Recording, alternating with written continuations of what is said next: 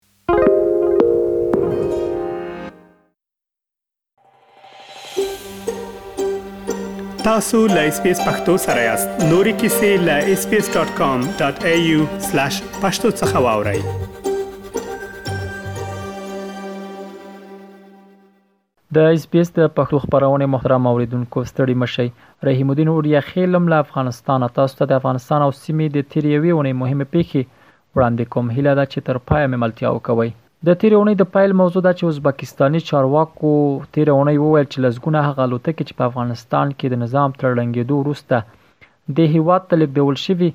د امریکا مالکیت دی او د طالبانو سرپرست حکومت په واک کې به یې ورنکړي دغه خبره د ازبکستان د ولسمشر یو جیګپوړي سلاکار عصمت الله ارکیشیف له امریکا غږ سره په مرکه کې وکړه او دا یې وویل چې د دې الوتکو پیسې متحده ایالاتو ورکړي ځکه امریکا له تېر جمهوري نظام سره مالي مرستې کولې نو په همدې پار پرېکړه د واشنګټن په لاس کې ده. هغه وویل چې دا نظامي تجهیزات یې له امریکا سره په موافقې ساتلي او دا خبره یې له وسلهوالو طالبانو سره هم شریکه کړې. خو بل لور ته بیا طالبان وايي چې دا الوتکې د افغانانو مالکیت دی او په بار بار یې د بیرته ستنولو غوښتنه کړې. د ازبکستان ترڅنګ د افغانستان هوایي ځواکونو څو الوتکې تاجکستان ته هم وړي دي. د امریکا د دفاع وزارت چارواکو هم ویلي چې نه تاجکستان او نه هم ازبکستان طالبانو ته د دې الوتکو د بیرته ورکولو کوم پلان لري. چارواکو ویلي چې د دوه زره او یوویشتم کال د اګست د میاشتې د یوویشتمې راپدیخوا د افغانستان د هوایي ځواکونو شپږ څلوېښت الوتکې په ازبکستان او ته اته څلوېښت هغې په تاجکستان کې دي. واشنګټن هم تر اوسه د دې الوتکو د وروستي برخلیک په هکله پریکړه نه ده کړې. خو تیره اونۍ بیا د د امریکا دفاع وزرت وویل چې د شاوخوا اووه میلیارد ډالرو په ارزښت نظامي تجهیزات یې په افغانستان کې پاتې دي.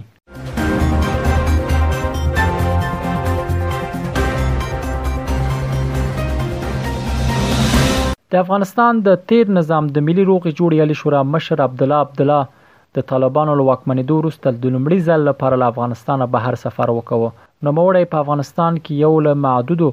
مهمو سیاسي څېرو څخه و چې پر افغانستان د طالبانو له واکمنېدو وروسته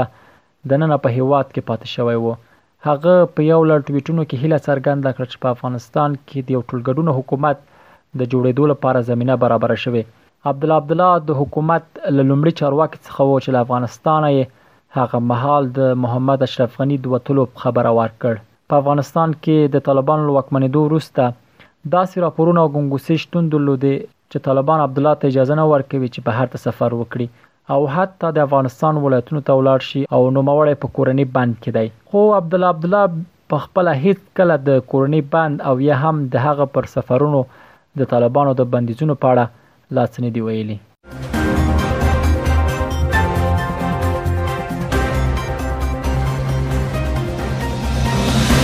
افغانستان په دوه زره او دوه ویشت کال کې په نړۍ کې د مطبوعاتو د ازادۍ په شاخص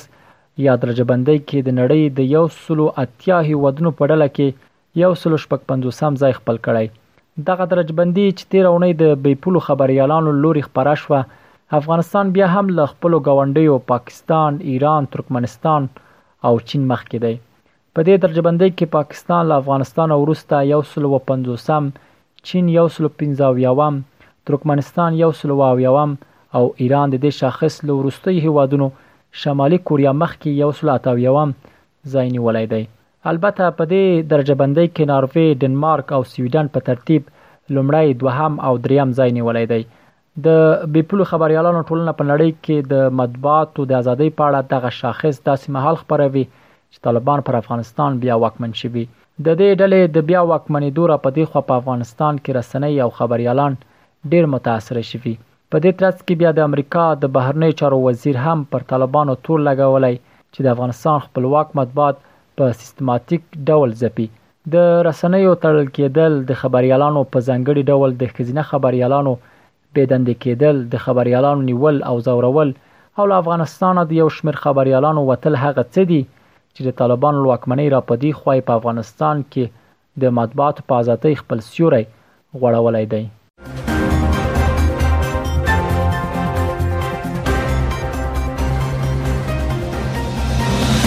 د افغانستان مخکني ولسمشر محمد اشرف غني د تیر اونۍ د یک شنبې په ورځ خبرداری ورکړ چې په افغانستان کې د قدرت او واک انحصار په حالت نور هم خراب کړي. نوموړي دغه څرګندونې د خپل فېسبوک له لارې د اختر په مناسبت په یو غږیز پیغام کې چې معلومه نه شوه چې کله او چېرته ثبت شوی، وویل چې له روانو حالاتو څخه د وتلو یوازنۍ لاره ملي اجماع او یووالی دی. نوموړي دا هم وویل چې افغانستان د خپل تاریخ یوې بلې مهمې مرحلې ته داخل شوی او طالبانو ته په اشاره یې وویل چې په زور افغانان قانع کولای نه شي، باید له تاریخ څخه عبرت واخلي. ښاغلي غني په ټینګار سره وویل چې په افغانستان کې اوسنی وضعیت له خطرونو ډک دی او له اجماع پرته افغانستان له اوسني وضعیت څخه د وتلو بله لاره نه لري. ښاغلي غني بشري مرستو ته په اشارې سره وویل چې دا مرستې د افغانستان د ستونزو دایمي حل نه دی او باید افغانستان په خپلو پښو ودرېږي او له سرچینو څخه یې ګټه واخیستل شي. د افغانستان پخوانی ولسمشر د افغان ماشومانو د زده کړو په برخه کې وویل چې باید په کور، کلي، جومات او دیره کې ورته امکانات برابر شي او افغان ماشومان دا احساس پیدا کړي چې ځان او نړۍ ته خدمت او کار کولی شي. ښاغلي غني په افغانستان کې وروستیو بریدونو او چاودنو ته په غبرګون کې وویل، که یو ځل بیا انفجار او انتحار پیل شول، مخه نیول به یې ستونزمن وي. د یادونې وړ ده چې طالبانو د دوه زره او یوویشتم کال په اګست په پنځلسمه کابل کې واک تر لاسه کړ او اشرف غني له افغانستان څخه ووت. طالبان وايي په ټول افغانستان واکمن دي او هڅه کوي چې له سیمه ییزو او نړیوالو هېوادونو سره یې اړیکې عادي شي، خو تر دې دمه هېڅ یو هېواد په رسمیت پېژندلي نه دي.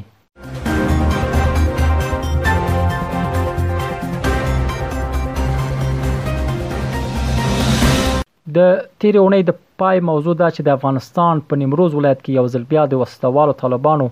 او پاکستاني ځواکونو ترمنځ پر کرښه ځواکونه ځای پر ځای شوي دي راپورونه وايي چې افغان طالبانو سیمې ته کومکي ځواکونه استولي او پاکستان چې له وړاندې څخه یې لانجمنې سیمې ته ځواکونه لېږلي ول، آن په اختر کې هم د خپلو ځواکونو رخصتۍ ورته ځنډولې وه. له سیمې راپورونه کاږي چې پر کرښه وضعیت ترینګلی دی، دواړو خواوو ځواکونه ځای پر ځای کړي او دواړه لوري د خپلو کمېټو د خبرو پایلو ته انتظار باسي طالب چارواکو له رسنیو سره په خبرو کې ویلي، د روژې په شپږمه یې په سپین بولدک کې له پاکستاني لوري سره خبرې وکړې، خو پایله یې له ځانه سره نه درلوده. خو د دوی په خبره وروسته بیا پرېکړه وشوه چې د افغانستان او پاکستان کمېټې په خپل منځ کې خبرې وکړي. له سیمې یو شمېر آییني شهیدانو رسنیو ته ویلي چې پاکستان لوری هڅه کوي د افغانستان په خاوره کې ازغن تار نصب او پوستې جوړې کړي، خو افغان لوری یې مخه نیسي. پاکستاني لوري بیا د دې موضوع په ځواب کې وايي چې ازغن تار د ګوګل مپ یا د ګوګل د نقشې پر اساس تېروي. پر ډیورنډ کرښه چې دوه زره او څلور سوه کیلومتره اوږدوالی لري، افغانستان او پاکستان له کلونو را په دې خوا اختلاف لري او په وروستیو کې د دواړو خواوو ترمنځ په همدې پار نښتې هم شوې دي. دا ول د افغانستان او سیمې د تېرې یوې اوونۍ مهمې پېښې چې ما تاسو ته وړاندې کړې. تر بیا ښې چارې.